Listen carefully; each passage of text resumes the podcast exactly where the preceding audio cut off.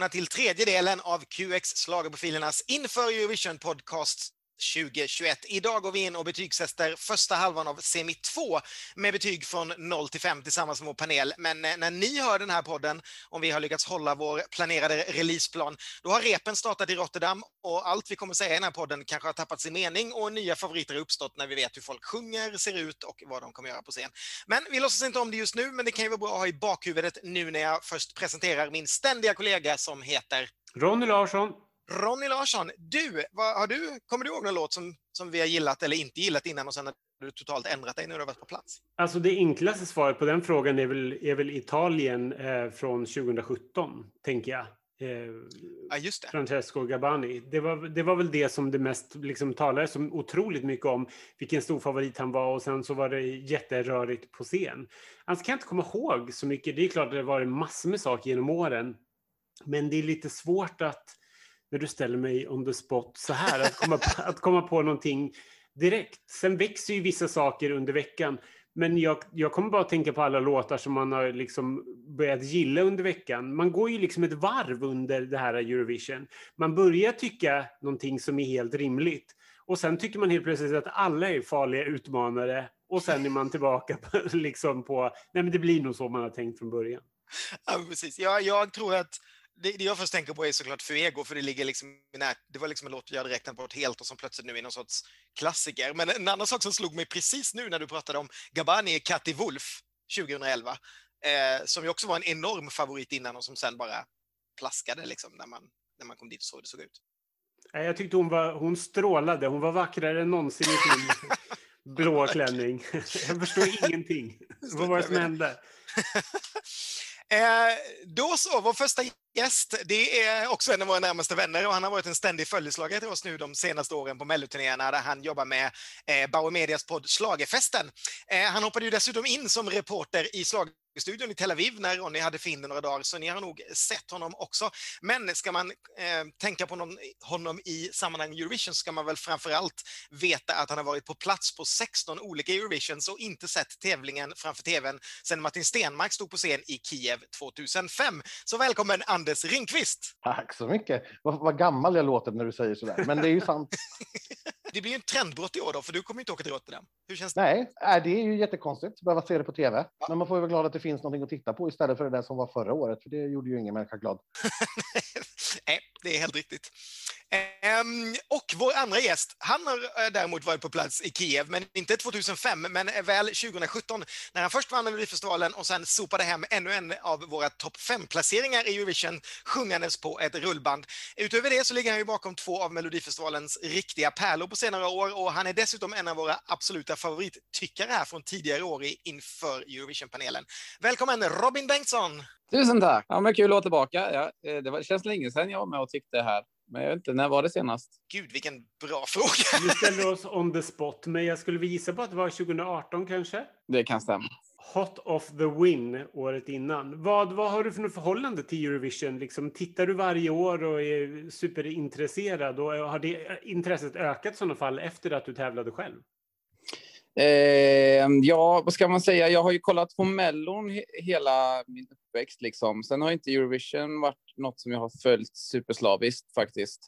Eh, men jag har kollat på det tror jag alla år sedan jag själv var med i mm. Mellon första året i alla fall. Och sen har man tittat om året och man vet att Sverige har liksom verkligen varit favorittippad eller sådär.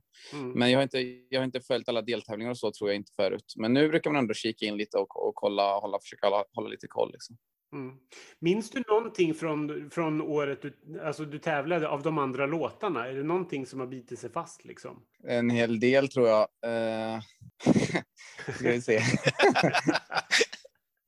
Eh, jag kommer ihåg, det var någon eh, eh, som, jag, som jag tänker på ofta var en tjej, så jag kommer inte ihåg vilket land hon tävlar för, men när hon värmde upp innan vi skulle ha sändning, vi var med i samma delfinal tror jag, och i finalen sen, som eh, vi låg och typ skrattade åt i våran loge. Det var ju så här pappväggar emellan bara och hon sjöng så jävla starkt så att det liksom skallra i pappväggarna. Eh, men man kommer såklart ihåg som ni nämnde innan Italien. Ehm, nu kan jag faktiskt inte nynna på den när jag tänker efter, men jag tyckte att den var en ganska bra låt.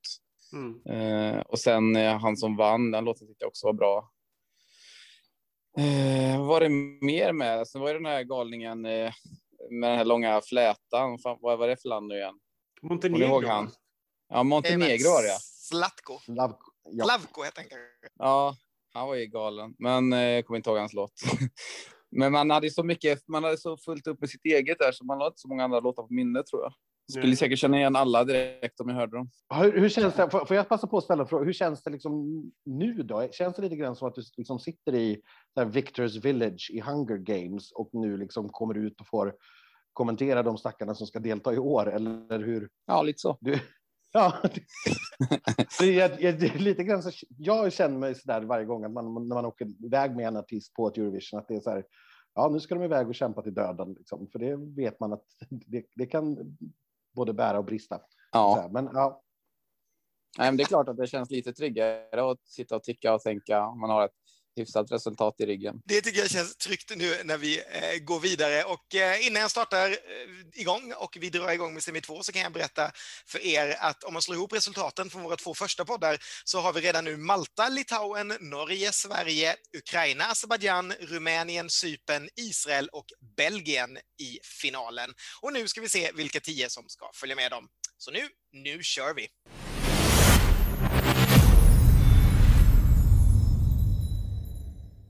Okej, då börjar vi med San Marino. San Marino det är ju ett lite märkligt land i Eurovision, minst sagt. Eh, det här är väl en grav killgissning från min sida, men nog känns det som det lilla landet i Italien har sålt sin plats till högstbjudande rätt många år. För hur förklarar man annars att Ralf Siegel legat bakom hälften av gångerna som de stått på scen och 80 procent av de här gångerna var det Valentina Monetta som sjöng. Eh, eller de gånger som Ralf inte legat bakom, då har Serhat gjort två och nu alldeles strax så har italienska Sen Hit gjort två, eller eh, nästan tre då. Eh, nåväl, vem som pyntat den här gången, det är lite mer oklart, men det känns knappast som att 41-åriga Senhit Sadik Sadik gjort det själv. Eh, efter sina ganska modesta framgångar efter att hon försökte ta sig till final 2011 och misslyckades, så kan hon knappast haft råd att göra dels tio påkostade Eurovision-covers under året som gått och dels hyra in den amerikanska rapparen Florida till låten och scenen i Rotterdam. Och dels har hon ju dessutom köpt låten från den svenska låtskrivarsuccén Jojo Linnea Deb och Jimmy Åker, som alltså tävlar mot sig själva och som skrivit låten tillsammans med hela sju andra personer. En dekalog som är rekord i antal låtskrivare i år. Och en av låtskrivarna är förresten Susie P som kom sist i semi 1 i Mello förra året med Moves. Och kolla gärna upp den om ni glömt den, för då kommer ni förstå vad kul Susie P och Sen Hit skulle kunna ha på en jam session ihop. Men, men, nu ska vi inte lyssna på den. Nu ska vi lyssna på en av årets stora fanfavoriter. Här är Adrenalina med Senhit. My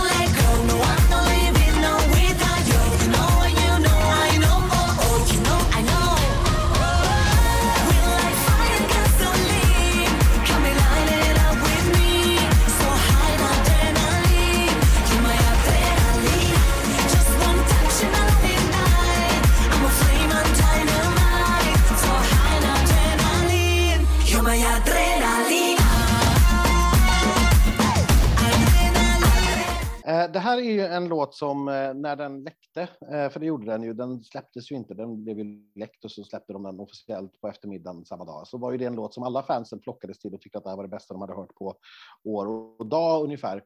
Eh, Tills det kom en annan låt dagen efter som de tyckte det om istället.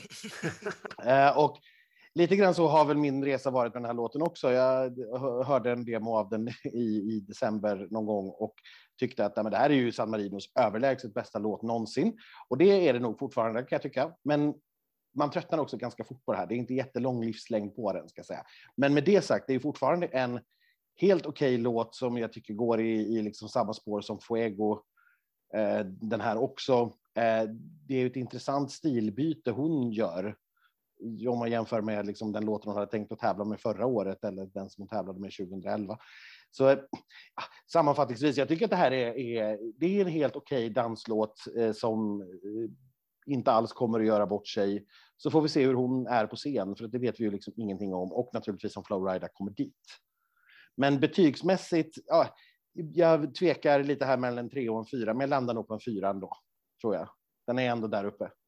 Jag, jag har inte någon koll på henne sen innan, men alltså, jag tycker det här känns som en ganska typisk eh, Eurovision-dänga. Liksom. Eh, helt okej tycker jag. Man förstår ju inte så jättemycket av videon egentligen. vad den har med låten att göra. Jag, jag har heller inte brutit ner texten i molekyler. men eh, eh nej, jag tycker väl den är, det känns ganska solid ändå för att vara San Marino då. Eh, så ja, jag blir ändå lite positivt överraskad. Jag tycker den känns väldigt påkostad också, videon. Så ja, vad ska man säga? Trea. Jag tycker en kul sak med videon är att man har nog aldrig sett två personer som aldrig har varit när, eh, mindre nära varandra än, än eh, Florida och sen hit i den här videon, men det ska liksom se ut som att de är i samma rum. Det har liksom aldrig varit så mycket tydlig bluescreen. Eh, jag är ju vanligen svag för sån här generisk Eurovision party. Det har ju ni som hört de tidigare avsnitten förstått och det här är väl inget undantag. Men precis som Anders så tröttnade jag fortare på den här än vad jag gör på till exempel Cypern och Azerbajdzjan och jag ställer mig fortfarande lite skeptisk till hur det kommer att låta sig ut live för att precis som Anders sa där så är det ju ett stilbyte. Hon känns ju inte riktigt som den här eh, dans och partybruden och det gjorde hon ju definitivt inte när hon var med senast. Ehm, och, ja, jag får väl bara Eh, komma ut också och säga att det är bara någonting jag ogillar med henne. Jag vet inte vad det är, det är bara någonting med henne som inte klickar. Hon är säkert jättesnäll, eh, men nej, det, det, bara, det funkar inte. Men som sagt, jag kan inte, jag kan inte ogilla det heller, för så funkar inte mina gener. Eh, utan jag landar också på en, en trea, en stark trea. Helt enkelt. Ja, det är ju ganska intressant egentligen att man skulle kunna ta vilken före detta Eurovision-deltagare som helst från de senaste 20 åren och sätta på en stor krullig Kleopatra-peruk och ge henne en dansdänga eh, signerad några svenskar och så skulle det säkert funka hur bra som helst. Liksom. Hon, känns, hon känns så utklädd tycker jag i det här konceptet. Det känns inte som att det finns någonting äkta i det och äkta kanske är fel att tala om i det här sammanhanget för att det är ju liksom en, precis som du säger, en generisk danslåt eller en Europop-grej liksom. Men eh, jag gillar den ändå. Jag tycker att det är, en, det är en skön axelryckning. Jag är otroligt glad att San Marino för en gångs skull skickar någonting som är rimligt och som faktiskt förtjänar att både ta sig till final och, och ändå placera sig ganska bra.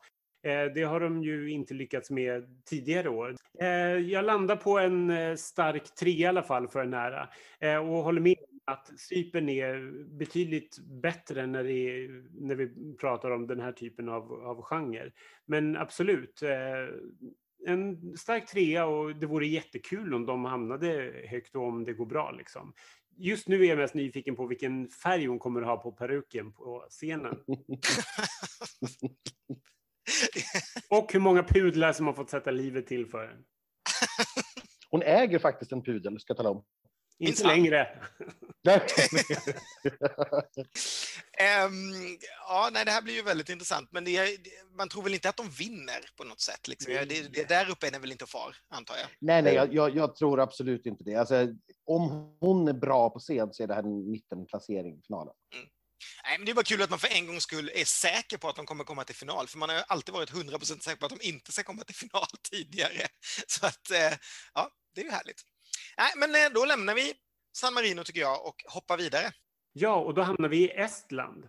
Eh, Uko Suviste har utsett till Estlands sexigaste man och tävlat i Annie Loraks team i The Voice, Russia.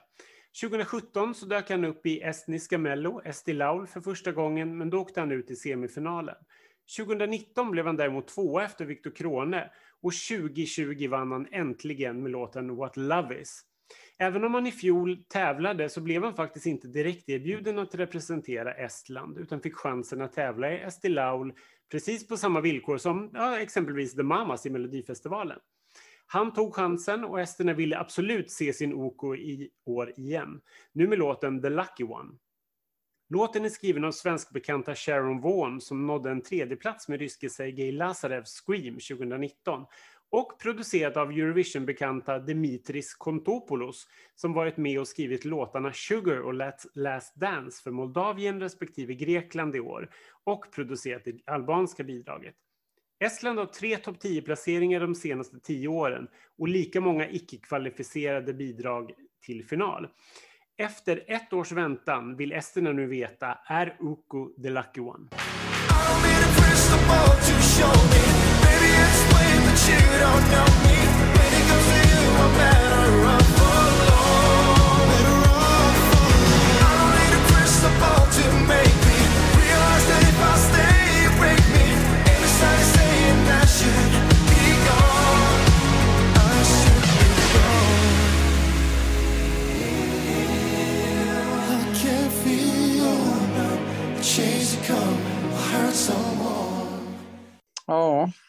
Jag tycker, jag tycker inte riktigt låten eh, håller, men jag tycker det är liksom snyggt. Nu har jag sett den här musikvideon som känns också så jäkligt så här påkostad. Och, eh, och prodden känns väldigt liksom modern och, och snygg och så. Och han sjunger väl bra. Men jag tycker ändå att det är något som fattas med själva... Den fastnar inte tror jag. Så att eh, det hänger nog mycket på om han sjunger bra live och så där. Jag har inte sett det, men eh, nej, det, den är lite. Den är snygg, men, eh, men tråkig tycker jag. Så jag vet inte. Det blir, det blir en trea där med.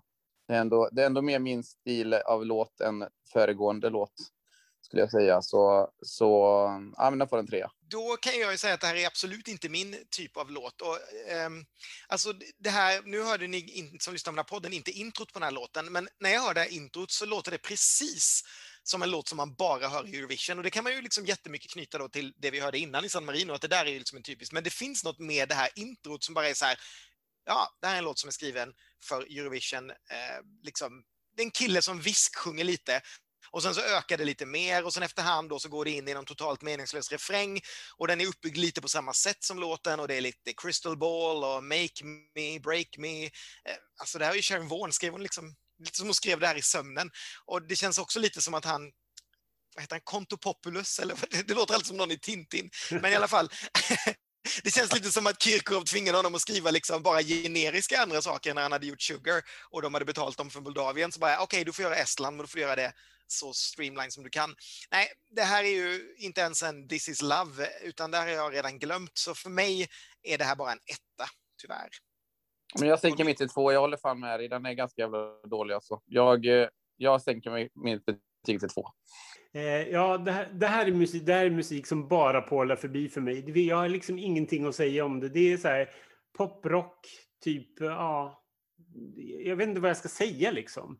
Det enda som är intressant med det här är ju att han är snygg. Det är verkligen det enda som är intressant med det tycker jag. Jag gillade faktiskt låten förra året och tyckte att den var, det var min favorit i den estniska uttagningen så jag var glad att den vann. Jag var mindre glad att den inte fick representera Estland förra året.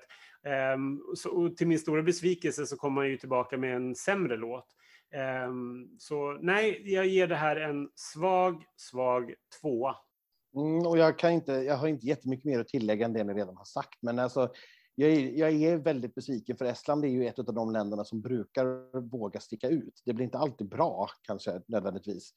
Men alltså låtar som Rendajad eller den här operasångerskan i Portugal och Paper från med Svala. Alltså det, det, har verkligen varit låtar som sticker ut och här är det precis raka motsatsen. Det här är ju liksom spår 13, ett överblivet spår på något album som bara passerar helt obemärkt förbi och det är jätteointressant. Så att, nej, jag, sen tycker jag att det finns betydligt sämre så att jag, det får ändå bli en tvåa, men en svag sån.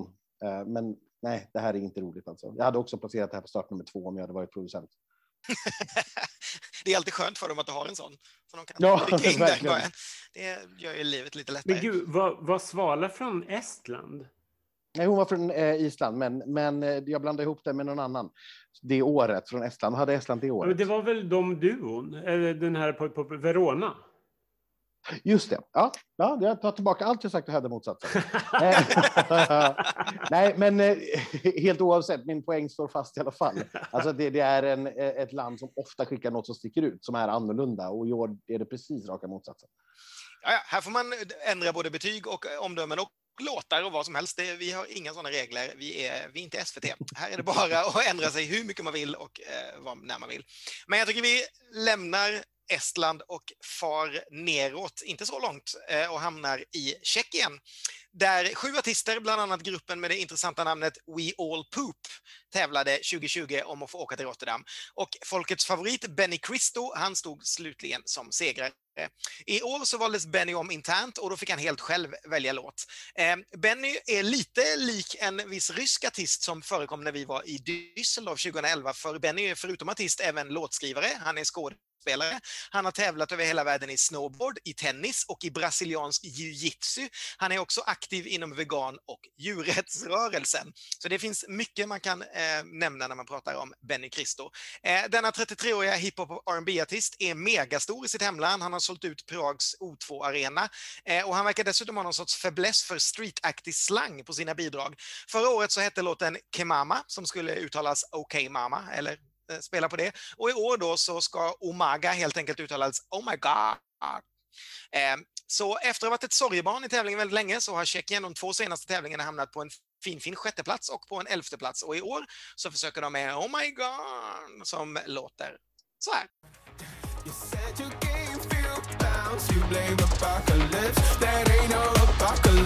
You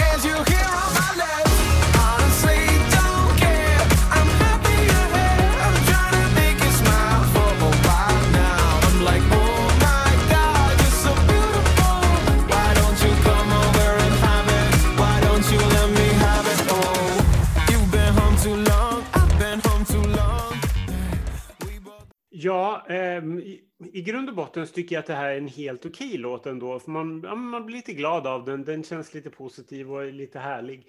Men jag klarar för mitt liv inte av att han sjunger Oh my God när det, när det heter Oh my God. Jag klarar inte av det. Det får, det får liksom så här, det kryper i hela kroppen varje gång jag ser titeln. För jag, när jag lyssnar på låten så bara, man han sjunger ju Oh my God, jag köper det. Och så ser jag titeln och bara, men varför? Vilket trams! Jag blir så otroligt provocerad. Ett, Okej, jag, nej, jag har absolut ingenting emot det här heller. Utan, och jag gillar också att Tjeckien fortsätter på en hyfsat modern linje. Eh, liksom, det tycker jag är jäkligt smart. Och han känns ju liksom helrätt på samma sätt som att vi skickar Tusse och Norge skickar Tix, att det är en, en artist som folk står bakom och som är väldigt stor hemma och så vidare. Men, men sen är det kanske inte riktigt min låt, för varenda gång som den kommer på så liksom måste jag fundera några extra varv på vilket land det faktiskt är. Ehm, så den, den, är, den är samtidigt ganska anonym eh, för min del. Det kanske därför, jag kommer aldrig ihåg vad den heter, det kanske är därför jag inte stör mig lika mycket på Oh my God. Ehm, nej, det, för mig är det godkänt. Det är en, en stark och stabil eh, tvåa. Ja, jag, jag är ju helt med Ronny här. Jag klarar inte av den här titeln. Det, det går inte. Det är precis som de här människorna som ska lägga till en massa konstiga tecken i sina titlar för att det ska sticka ut på Spotify. Det är så här, jag, jag, när jag får utslag liksom. Eh, och sen, nej, alltså, nej, låten är väl inte sämst i år. Det, det är den absolut inte. Han är inte heller sämst, men det finns faktiskt ingen annan låt som jag faktiskt på riktigt hatar så här mycket som den. Jag vet inte om jag frivilligt har tagit mig igenom de här tre minuterna, för jag klarar verkligen inte av. Det är så hurtigt och det är så spelat och det är bara så konstgjort och jag vet inte riktigt vad det är i mig som står an att jag bara avskyr detta. Eh, så att nej, för mig är det noll poäng. Jag vill aldrig någonsin se honom igen och är det sånt att lyssna på i Tjeckien vill jag inte åka dit heller. Ja, Alltså jag ligger någonstans mitt, i, i- mitt emellan. Men eh, nej, jag tyckte väl, jag tycker också det är kul att det är, att det är någon annan genre med så att det blir mm, ja, lite R&B pop i Eurovision. Det, det, jag gillar vägen att gå, men sen kan man ju ta kanske någon annan låt. Liksom. Han kanske inte skulle valt låt själv, eller så kanske han skulle eh, snowboard istället. Jag vet inte. Han, den, eh, jag tycker ändå den har ett nice groove, alltså, god prod och verserna, sen är lite tjatig liksom och ah, nej, det är lite mellanmjölk tycker jag. Men jag hatar den inte liksom. Jag stör mig inte så mycket på det heller. Ni, det, men eh, nej, jag vet inte. Jag kommer ha glömt den imorgon. Två. Två. Japp, då ska jag få, få ännu mer snubbel namn. Ehm, för vi åkte till Grekland. 18-åriga Stefania Libera, Liberakakakis må tävla för Grekland, men hon är faktiskt född och uppvuxen i holländska Utrecht. Hon tävlade för Nederländerna i Junior Eurovision med tjejgruppen Kisses 2016 och valdes internt att representera Grekland 2020 med låten Supergirl. Så självklart fick hon frågan igen, nu med Last Dance, med samma låtskrivare, nämnda Sharon Vaughan och Dimitris Kontopoulos och grekiska låtskrivarteamet Arcade. Med sig på scenen har hon fyra dansare och ett nummer designat Eurovision-legendaren Fokas Evangelinos. Mellan 2004 och 2011 prenumererade Grekland på topp 10-platser och det var ju också då Helena blev number one. Men sen 2014 har de två 19 platser som bäst. Fram med osun, Sovlakin, Bosukin. Detta är Stefanias sista dans här i Grekland.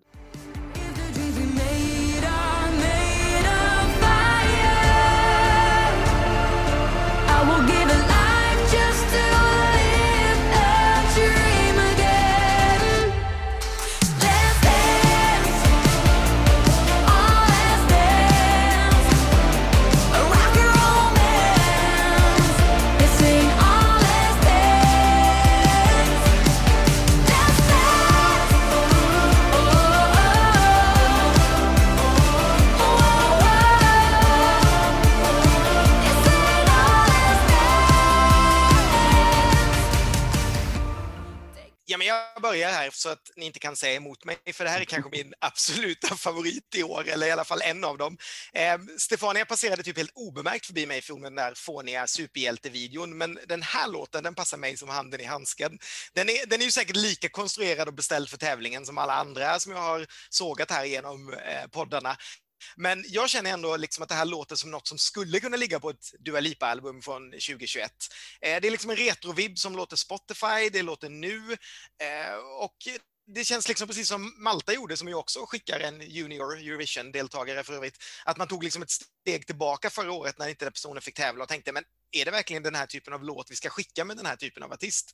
Och sen så gick man hem och så gjorde man om Eh, och så gjorde man rätt istället. Ehm, och precis som Ronny sa, det ryktas om att det ska vara något alldeles extra på scen. Det har gått något rykte här efter att någon i eh, den holländska tv-produktionen nämnde att de hade sett ett fantastiskt nummer representeras någonstans i, i Europa i en gymnastikhall och att det var just då Grekland som stod för detta. Så det ska bli väldigt, väldigt spännande och det kanske ni till och med kan eh, se redan nu när, om ni är går in på nätet. Nåväl, vi andra får väl se om det bara är ett rykte, men jag eh, säger innan jag sett en enda sekund live att jag ger det här fem av fem.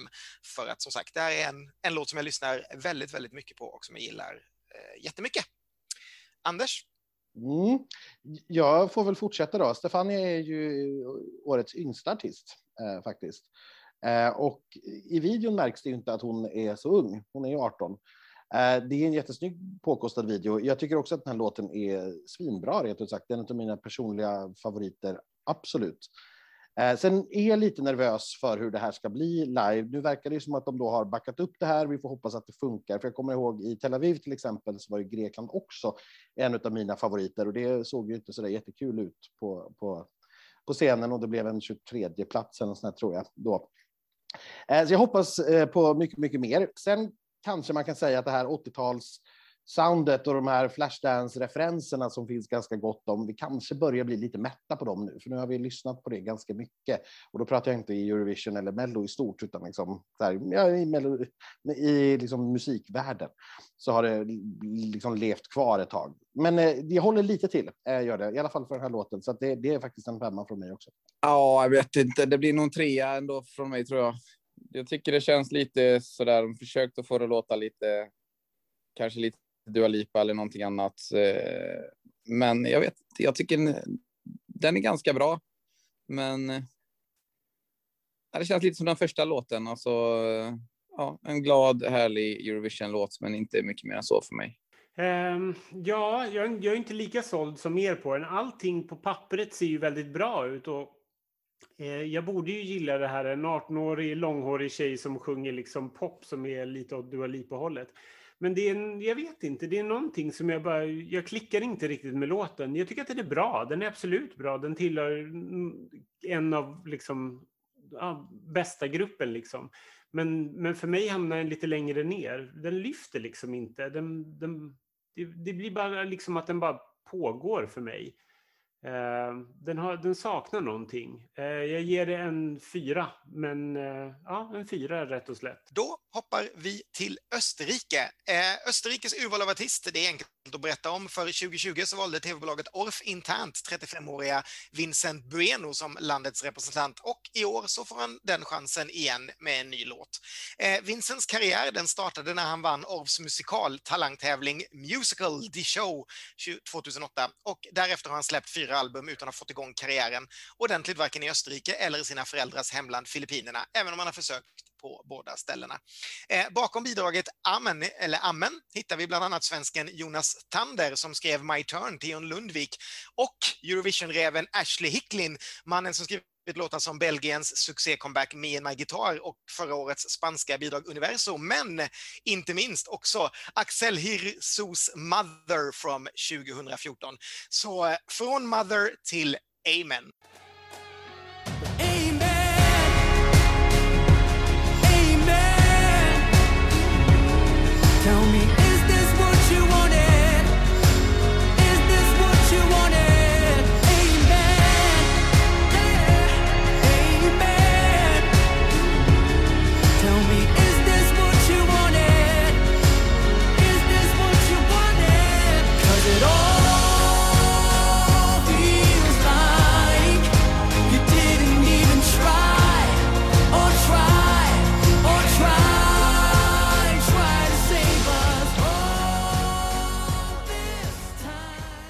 Det här är kanske eh, det största uppsvinget om vi tittar på förra årets låtar. Det är av alla artister som skulle ha tävlat förra året. Förra årets låt eh, klarade jag inte riktigt av, eh, om jag ska vara ärlig. Det var gladfunkigt och eländigt. Eh, och det, är, det går inte med mig när det blir liksom funkigt. Det här tycker jag är mycket, mycket snyggare. Eh, och jag tycker att den här är lite underskattad faktiskt när man tittar på oddslistor eller fansomröstningar och så där. Jag tycker att den här borde gå lite, lite bättre. Jag tror absolut att den här har en jättebra chans att ta sig till final. Den är kanske inte liksom i min absoluta topp här, men jag tycker att det är en ett gott hantverk på något vis. Det är snyggt, han sjunger bra och ja, men det finns liksom ingenting att egentligen klaga på. Så att jag, ja, en trea. Det är svårt med Österrike. Ibland skickar de någon liksom joddlande läderhosen och ibland så är det så här gravallvarligt. Liksom. Men eh, jag tyckte det var lite tråkigt. Jag tycker inte han... Eh, han sjunger bra, liksom, men det är inte riktigt rätt röst för den här typen av låt. Han skulle behövt lite mer eh, soul i rösten, tycker jag. Ehm, men det är lite det är så här snygga ackord, en snygg poplåt, men jag tycker inte att han fångar så mycket mitt intresse. Så att... Eh, Fan, jag ger bara tre hela tiden, känns som, men den får en tre. Ja, och jag kommer inte att ändra den trenden alls. Det här är ju i mångt och mycket liksom en, en John Lundvik-låt, precis som låtskrivaren skrev, eh, My, My Turn. Det, det är ju lite så här oförargligt. Eh, men, men jag kan hålla med Anders lite om att det finns någonting i det som jag gillar. Jag tycker också att den är bättre än förra året, även om det är typ bara vi inbitna som kommer att, att göra den jämförelsen såklart. Men Ja, den, alltså, sen så måste man ju också nämna att den är ljusår från Sloveniens låt med samma namn som är i CM1, som jag kanske tycker är bland det sämsta i år. Ehm, så jag tror att även om det här är en trea för mig också, så är det nog det är nog den starkaste trean jag har i år. Jag tycker också oförskämt mycket om den här, fast jag håller med faktiskt det mesta som, som Robin säger också. Ehm, men, men jag tror faktiskt att Österrike också kommer ta sig till final mycket lättare än vad folk tror, om han nu inte är en katastrof live. Eh, utan jag hoppas att han är bättre live så att jag får tänka att det här är en fyra när vi väl kommer till, till eh, deltävling och ska sätta betyg i QS och sådär. Men, men här håller jag mig också till en trea än så länge. Jag, eh, jag tycker jättemycket om den här och jag tyckte om den från första stund jag hörde den. Jag tyckte att förra årets låt var precis som ni har sagt en riktig axelryckning och, och väldigt, inte alls min påse. Men det här hade jag utan att lyssna på någon annan suttit hemma och lyssnat på de här 39-38 låtarna så hade den här definitivt hamnat topp 10 och jag hade, jag hade trott att den skulle hamna topp 10 i slutet. Det är någonting i den här som som jag är så här, men vad har jag som ingen annan hör? Eh, jag vet, och det är möjligt att jag har, har fel och, och ni andra har rätt, eller alla andra har rätt, eller oddsmakarna har rätt i alla fall. Men jag, jag tänker ändå att det här är en liten skräll ändå, om han gör det bra på scenen. För jag tycker att det är en bra låt och jag tycker att han gör det tro, med trovärdighet. Um, ja, jag ger det här en fyra, för jag gillar den här faktiskt jättemycket och jag tror att det kommer gå bättre än vad många tror, precis som det här samtalet började med, med Anders. ja, vad kul. Jag, jag, jag, har också, jag har lite också magkänslan att det kan gå ganska bra, men jag tror att man också, vi som hänger så mycket på så här olika forum och hela tiden följer odds och sådär, då blir man liksom, då börjar man tro att de har rätt eh, på, på, något, på något sätt. Och sen, men sen är det också det där farliga som vi har pratat om i båda poddarna innan, att man är så färgad som fan också av det man hörde förra året. Så när någonting är så mycket bättre än vad det var förra året så blir man lite så här, mm, gud vad, vad bra det här. Sen är det någonting med videon också som jag tycker är härligt. Det är något sån här, man springer ut och är, jag vet inte, någon sån här eh, längtan, eh, någon covid-grej, typ att han är instängd i ett rum och sen plötsligt får man bara springa ut och vara ute i friska luften. Liksom. Kanske är det också. Men ehm, nej, vad kul eh, att vi ändå gillade Österrike en del. Mm. Men eh, ja, vi hoppar inte alls långt från Österrike utan rakt uppåt och hamnar i Polen. Rakt in i Polen. eh, Rafal Brozowski slog igenom i polska The Voice och har prog- programlett Eurovision 2020. Den 39-åriga artisten kom tvåa i den polska uttagningen efter Kajsa Moss, som man inte kan säga utan att tänka på Bailamos, ehm, 2017. Och han har släppt fem album. Svenskarna Joakim Övrenius, Thomas Karlsson, Klara Rubensson och Johan Mauritsson ligger bakom syntiga Dua Lipa-inspirerade The Ride, som inte är oddsen på sin sida att ta sig till final. Rafal fick i höstas eh, rubriker för att han visade stöd för hbtq-rörelsen som är väldigt utsatt i Polen. Landet, som debuterade med en silverplats 1994, har aldrig nått större framgångar än så. Och de senaste två åren har de inte lyckats ta sig till final. Det är tveksamt om den här riden räcker dit också. Detta här i Polen. So baby,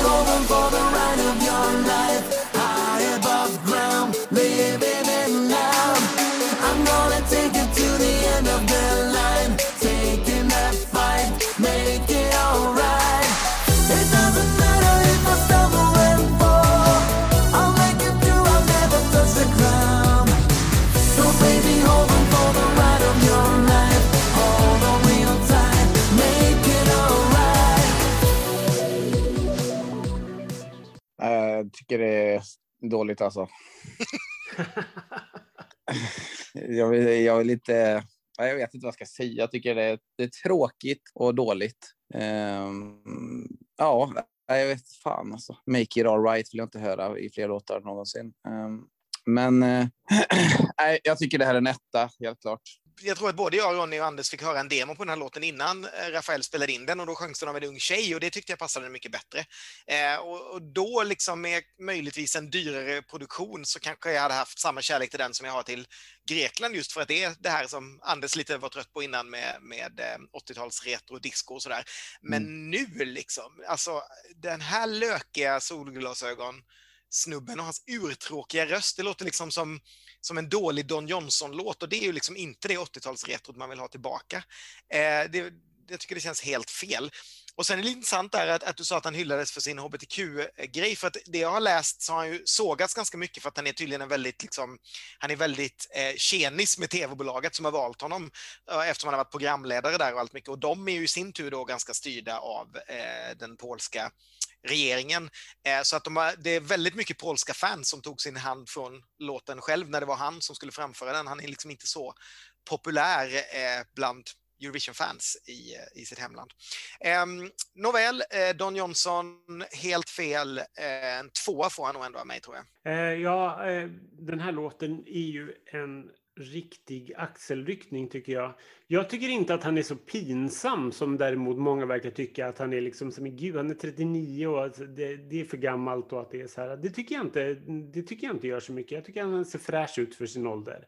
Men, eh, men, men låten är ju bara liksom, det är, precis- jag kan inte säga mer än vad som redan har sagts. Det är bara en, eh, det är bara, det bara är liksom. Det finns ingenting speciellt med den. Det är liksom, det är som om man, man har försökt göra Dua Lipa men inte lyckats riktigt.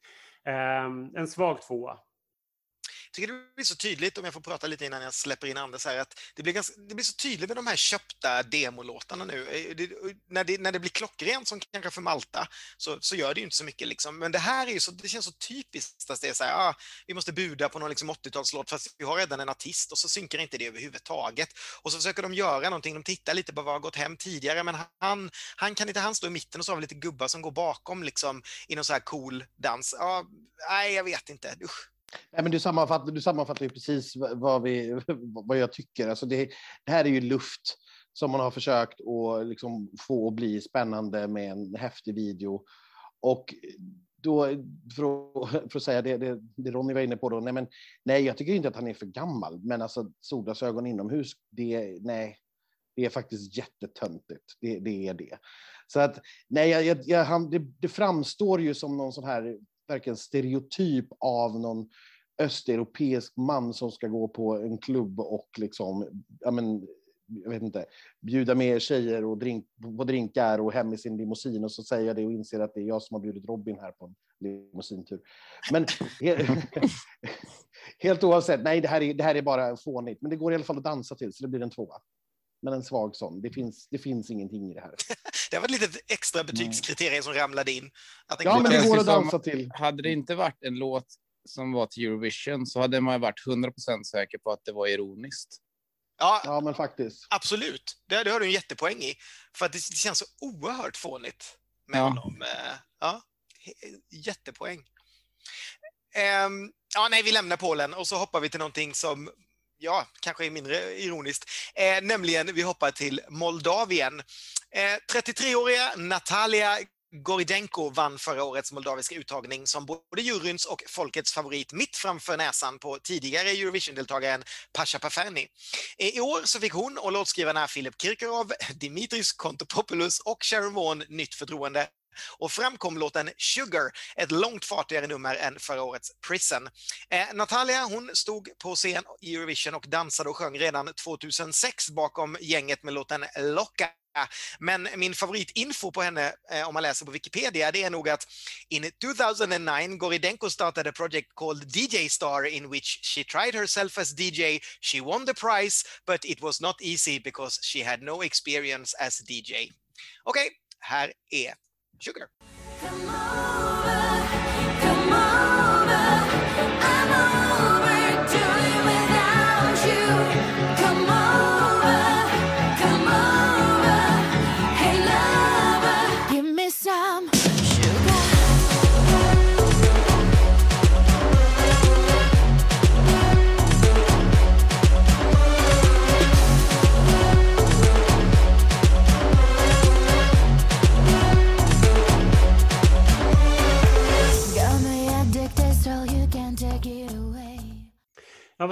Eh, För den här låten gillar jag jättemycket. Jag, jag tycker att den är superhärlig. Det här är liksom... Det går... Jag tänker ju hela tiden på den här låten som aldrig eh, fick möta Eurovision-publiken från Ukraina. Den här, eh, nu glömmer jag helt bort vad hon heter, hon som låg på golvet och krälade och sparkade med benen. Marov hette hon. Marov, precis. Ehm, precis, jag tänker ju på den för den har ju det här ehm, blås, det är väl blås, är det det? Breaket liksom. Som jag tycker är jättesnyggt. Och jag tycker det, är ganska, det här är en så här, ganska cool och skön danslåt som känns lite, ja, men känns lite egen tycker jag. Den är inte liksom så generisk ändå som mycket annat utan den har plockat lite härliga delar från lite olika saker. Och det går ju inte att säga, och prata om den här låten utan att inte säga någonting om videon. För videon är ju superhärlig i sin liksom eh, mjukglassestetik med de här blåa glass, dansande glassarna och de här eh, cerise-kostymklädda männen bakom henne. Den innehåller också, för er som inte har sett det, ett av de absolut äckligaste ögonblicken jag någonsin har sett i en musikvideo när hon äter av en av dansarna som visar sig vara liksom en, en kaka. Det är så fruktansvärt äckligt så jag klarar inte ens av att titta på det. Men låten tycker jag är väldigt härlig och jag tror att det här kommer gå ganska bra för jag tror att Eh, de kommer styr, det här kommer styras upp på scen när det väl gäller och jag tror att vi kommer få ett härligt eh, estetiskt nummer som man kommer komma ihåg. Eh, och klarar hon bara av att sjunga hyfsat så kan det nog faktiskt gå ganska bra. För jag tror att många, eh, framförallt många i öst kommer sluta upp bakom det här. För att det här gillar man ju. För det låter lite grann som den musik som är populär där. Eh, så jag ger det här en fyra. Ja, säga vad man vill om, om eh, Kirkorovs Eurovision-bidrag, men sjukt mycket pengar, det gör sällan att man glömmer bort det. Eh, alltså jag, jag gillar Kirkorov de här åren när hans hemland Ryssland väljer något annat, för då behöver man inte vara så seriös, utan då köper han alltid in sig i Moldavien. Eh, för er som inte vet och som lyssnar, så Kirkorov är ju en, en eh, jag vet inte vad ska vi kalla honom, eh, en, en man med väldigt, väldigt mycket pengar och fäbless för Eurovision som har tävlat själv och som sen ligger bakom en gäng bidrag genom åren, oftast då Ryssland, men Ibland när Ryssland vill välja något annat, då köper han in sig i Moldavien. Och då blir det oftast ännu galnare och ännu mera tacky och ännu mera öst och ännu mera Eurovision. Och det är ju ingen skillnad i år. Det här är ju liksom jag, jag är helt med på ditt tåg, Ronny. Det här är en tvärsäker fyra för mig. Skulle jag, skulle jag lyssna på det här utanför Eurovision? Nej, det kanske jag inte skulle göra. Men här så är jag ju lika beroende av liksom den här typen av grejer som jag är av socker. Liksom. Jag tycker att det här är skitkul. Jag hoppas att de lyckas liksom få över det precis som videon är. Eh, då kommer jag tycka att det här är jättekul. Sen vill jag såklart inte att det ska vinna, för, men, men det fyller verkligen liksom sin plats, tycker jag, i ett Eurovision. Så jag är en fyra. Mm. Om, om Grekland var landet som jag tyckte jättemycket om låten, men var jätterädd för vad de skulle göra live, så är det här lite grann tvärtom. Jag är inte alls särskilt bra kompis med den här låten. Jag tycker att den är ganska tjatig och ganska intetsägande. Sen då den tidigare regeln jag införde här, man kan ju dansa till det. Men som ni säger, Moldavien med en jättestor påse pengar och med den här videon gör ju att man får upp hoppet. Jag tror att jag kommer att fatta det här på ett helt annat sätt och uppskatta det på ett helt annat sätt till det här numret eh, än vad jag gör just nu. För just nu är det här en tvåa för mig. Det är helt okej okay för att vara Eurovision, men det är absolut ingenting jag frivilligt skulle sätta på. Det är ingenting som går in på min vanliga playlist så att säga. Den är inte i närheten av det. Så att, nej, en, en tvåa för mig. Ja, det är skitsvårt tycker jag att sätta betyg på den här typen av låtar för att det är verkligen inte min grej liksom. Men det är en rolig video att kolla på. Alltså, den är ju. Det händer ju grejer och. och jag vet inte, det är väl en tvåa skulle jag säga, men jag tror också att den kanske kan säkert gå bra i sitt sammanhang. Eh, men det, det, det skulle inte vara större problem. Nej, det är ju mest partier där hon inte sjunger känns det som. Så att det, det handlar mest om att göra något kul på scen känns det som. Ja, det blir en tvåa. Härligt! Eh, det är nästan ännu roligare när vi har eh, helt olika åsikter men ändå kan enas eh, om hur det kommer att gå eh, med det här. Eh, och då har vi bara en enda låt kvar i den här podden och det är förra årets stora favorit och vinnaren av Sveriges tolva. Ja visst, för vi ska till Island och jag vill bara förvarna om att jag får än en gång jäkla namn som är helt omöjliga att uttala. Jag har bara fått sådana länder. liksom, Ken måste ha sållat ut det till mig. Så bara för, det är helt omöjligt. Jag ber om ursäkt på förhand till alla islänningar. Men skulle Daddy Freyr ha vunnit med sin 77 miljoners streamade Think about things?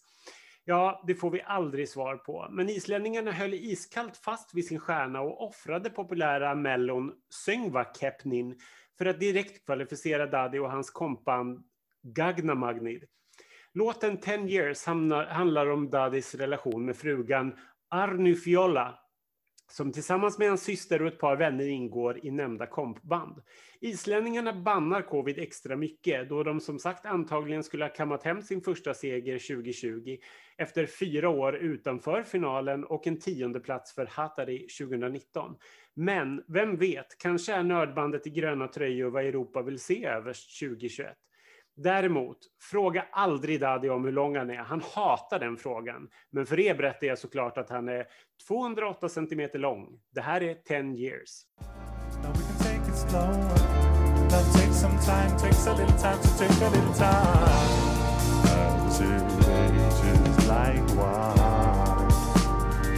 How does he keep getting better? Every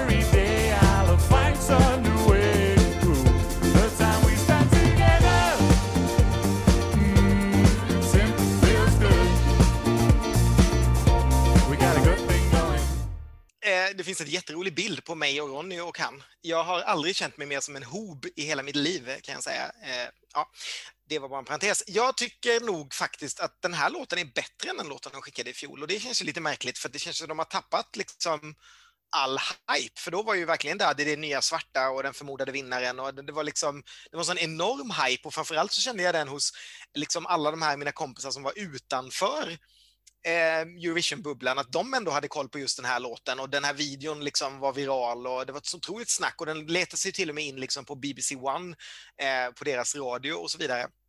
Så det är svårt att tippa tycker jag hur det här kommer tas emot när typ 80 procent ändå aldrig har hört låten förra året. Alltså så mycket. Och ett stort gäng kanske då känner igen honom och tycker att det är kul att, jaha, vad, vad liksom han med här? Är det han som kommer med en ny låt? Så jag tycker det är en jättesvår tippning. Eh, för att i min värld så liksom är det ju i stort sett samma sak. Och som sagt, jag tycker att den här låten är bekvämare att lyssna på. Jag lyssnar jättegärna på den här låten mycket mer än, än på förra årets. Um, men, men visst, den var ju mer ett, ett eh, fenomen.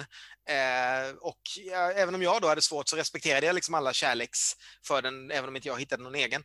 Eh, svårt med betyg, svårt att gissa. Jag tycker det är jättesvårt med Island i år, men jag halkar nog ändå, jag, jag tror jag halkar in på en fyra ändå, för den här är verkligen, det här är aldrig en låt jag trycker bort, det här är en låt jag blir glad av när den dyker upp. Det finns någonting med honom som jag bara, som jag bara gillar. Eh, han klämmer ur sig liksom Eurovision-covers eh, också, precis som Sen Hit som jag pratade om i början, men här känns det som genuint liksom på det sättet han gör det. Han, han verkar älska det här, han verkar älska sitt barn och sin fru när han skrivit en låt om de var.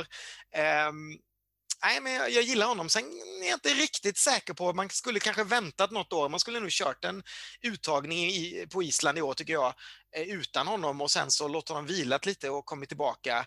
Eh, för det är väldigt svårt att ha den största hypen och, och liksom bära med sig den. Men med det sagt, jag, jag tror ändå att det kommer gå ganska bra för Island i år och jag ger det här en Fyra. Jag tyckte inte alls om låten förra året, men den växte för mig och till slut så kapitulerade jag och kände så här, jag kunde absolut ta det som en vinnare och tyckte att den, den är, faktiskt, den är faktiskt helt okej. Okay. Sen kom det här åbäket till låt som jag bara tycker är ännu värre. Det här är musik som jag inte tycker om alls. Jag tycker inte om hans sätt att sjunga med det här som en, en han har någon bubbla i halsen, lite så här, lite falsettigt men ändå inte. Och sen så tittar jag på bilder på det här bandet, på de här, förlåt, men fula människorna. Nej, jag klarar inte av det här. Det är så nördfjantigt så att det finns inte. Jag ger det här en... Ja, det är ändå musik liksom, så att jag ger det en tvåa. Men jag, bara, jag blir bara provocerad av dem. Att de, jag vet inte, så, så jävla speciella alltså. Usch. Det är ändå musik så det blir en tvåa. Eh, nej, men jag, jag, jag, var ju ett stort fan av Island förra året. Det, det, ska jag väl erkänna, men jag tyckte att den gjorde sig bäst med liksom, ljudet av. Eh, för där, där Ronny irriterar sig på de här människorna så tycker jag ju att det är stört cool med det här jättenördiga och att de spelar på det. Men då är det ju såklart också så att det är inte fullt lika roligt i år. Det är ju verkligen så att magin på något vis har brutits eh, med förra året. Och då är det som du säger Ken, jag förstår ju att de allra flesta som kommer att titta på detta och rösta på detta har ingen aning om det. Men jag vet ju det och nu är ni mig ni frågar så att säga, så det blir ju mitt betyg ni får, får leva med. Så att för mig, nej men jag, jag sätter en trea för jag tycker att jag tycker att det är en helt rimlig låt. Jag tycker fortfarande att det är lite kul att de spelar på den här nördigheten. Men som sagt, det, magin är helt bruten med förra året. Det finns inte alls den där att man skulle vilja lära sig koreografin själv och sånt här som man, ja, vi var många som höll på med det förra året. Det är ju helt borta nu. Så att, nej, en trea. Ja, alltså jag har ju hört, när jag var på Island första gången, bara och semestrade, så hörde jag han på radion, den här snubben, och fastnade på honom. Tyckte han hade skitnice låtar och supermusikalisk. Och sen så när han kände jag igen rösten när han kom förra året med den här låten och jag tyckte ändå ja, att han skulle vinna förra året, så det var lite kul och så där. Men nu känner jag så här att det ändå är lite. Det känns som att han eh, typ löjlar sig för att det ska bli en grej som ska snackas om i Eurovision. Så känner jag nu kring hans eh, eh, framträdande och när jag kände när jag hörde honom första gången att han kändes väldigt. Alltså, jag tänkte jävlar vilken så här, creddig snubbe. Eh, så det känns lite maner över det, vilket eh, kan väl vara kul i sig, men det känns ju väldigt likt förra året också, vilket är lite tråkigt. Eh, så jag vet inte fan vad jag tycker, men jag ska Jag tyckte nog den förra låten var lite, om man nu ska hålla på och så här larva sig lite, vilket jag tycker det är, så, så tyckte jag nog att det var roligare förra året, eller bättre förra året än vad det är i år. Så att den, eh, jag tror inte den vinner liksom, men eh, jag tycker ändå han är musikalisk. Det är lite roliga melodier och ackord och sånt, så han får ändå, han får ändå fyra av mig.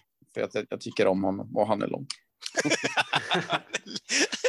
Jag vill, jag vill ändå säga, jag vill ändå säga att jag, jag vill gärna åka till Island för, för Eurovision. Så att jag skulle kanske inte ha någonting emot att de vann, men det skulle kännas menlöst att de vann med den här låten när de, när de kunde ha vunnit med förra årets låt. Och sen vill jag dessutom ta tillbaka att man ska inte säga att människor är fula. Det var otroligt Nej. fult sagt av mig, men jag uppskattar inte deras utseenden.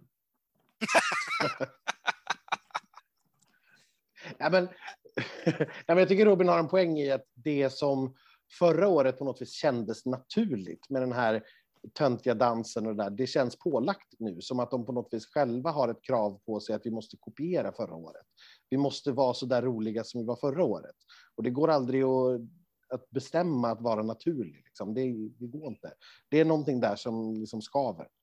Men det, det, det, jag förstår precis vad ni menar också. Och det, och det är väl det som är problemet med att han kommer tillbaka så precis efter. För precis som Robin säger, han, är- Mm. han är ju stor på Island och har varit och, och är ju liksom, känns liksom genuint som en, som en cool artist. Men på något sätt så har han väl liksom fått bara med sig att okej, du får göra det nästa år också, men det måste vara samma liksom galna dans och allt det här som gjorde det här till en att vi var i vinnarhålet förra året, då kommer du få åka nästa år också. Att det känns lite som de har lagt på honom. Ja, precis. Det känns, det känns som en kreativ snubbe. Liksom. Det känns som att han hade inte valt att göra exakt samma Exakt sak igen. så.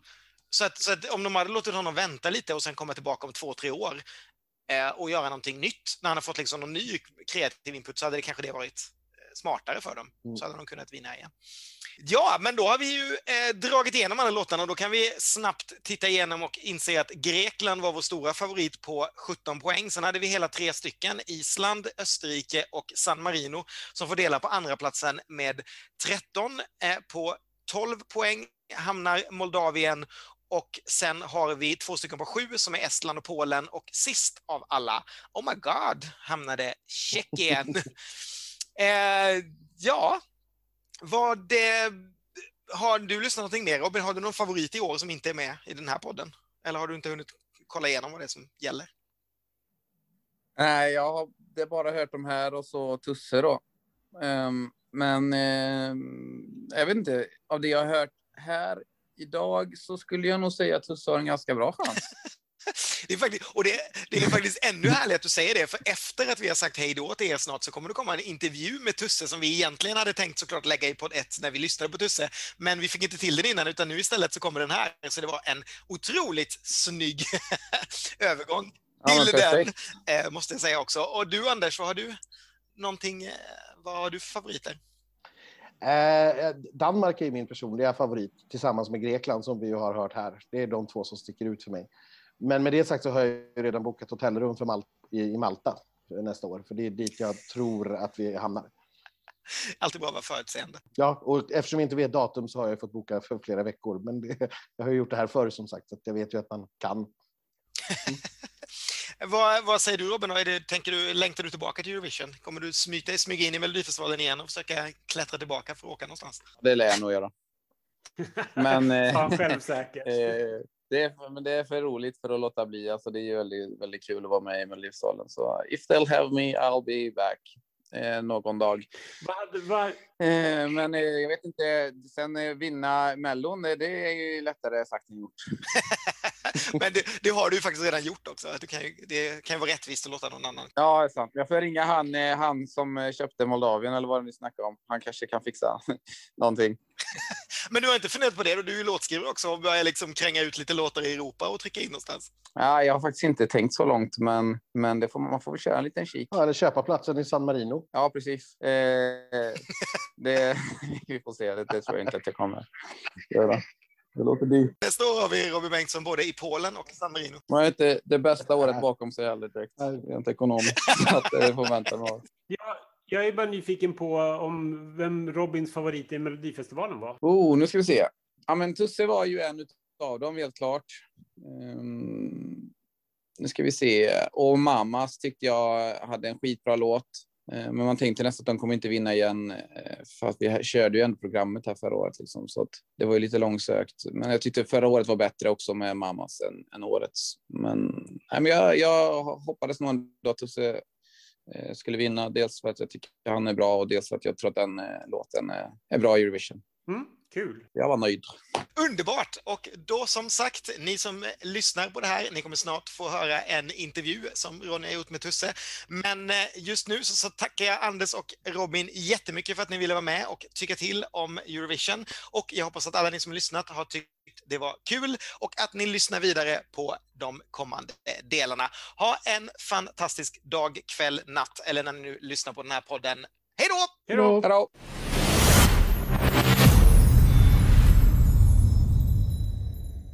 Hej hur mår du? Jo men tack, det är bra. Hur mår du? Jo, men det är bra. Men eh, vad, vad har hänt sedan Melodifestivalen? Jag fattar det som att du har haft lite problem med rösten. Om, förklara liksom. Ja, men vet du, eh, det var liksom... Ja, det har varit fine ganska länge, men eh, direkt efter Mello så eh, tappade jag rösten. Eh, vilket var jätteläskigt. Men eh, sen så kom det tillbaka som vanligt lite. Ehm, och så tappade jag det igen. Eh, så var jag hos läkaren. Han kollade in i halsen eh, och eh, vet det, eh, under, undersökte det här. Eh, och han ansåg det bra att göra ett mindre ingrepp då för att eh, jag vet inte fan, jag kan, jag kan inte sånt. Men eh, det, han gjorde ett mindre ingrepp, jag fick vila och det fixade sig. I'm back. Okej, ja, men vad skönt att höra. Men vad berodde det på? Var det liksom överansträngning eller hade du festat för hårt den natten? Nej, men det, är jag antar att det är för att jag sjunger så mycket. Det, jag, alltså, mello, man sjunger, sjunger ju nästan varje dag och repar mycket, så det var nog överansträngningen. överansträngningen. Eh, men eh, han, eh, vet du, tycker han, jag var på återbesök och allt såg bra ut. Okej, ja, vad skönt. Ja. Eh, Du åker ju ner snart till, eh, till Rotterdam. Ja. Eh, Hur mycket har ni liksom repat och ni har gjort om numret lite grann Ja. på något sätt? Kan du ge någon ledtråd om liksom vad som har hänt sedan Melodifestivalen? Okej, så vidare. Eh, vi har ju försökt att liksom lyfta, lyfta numret och lyfta koreografi, eller så här, lyfta hela framträdandet. Ehm, och det har vi gjort i, här, i, i olika, på olika sätt. Men de stora liksom, förändringarna, det är ledden. Eh, så det är det visuella som kommer förändras ganska mycket. Eh, och det är också eh, kläderna. Okej, spännande. mer, mer än så vet jag inte.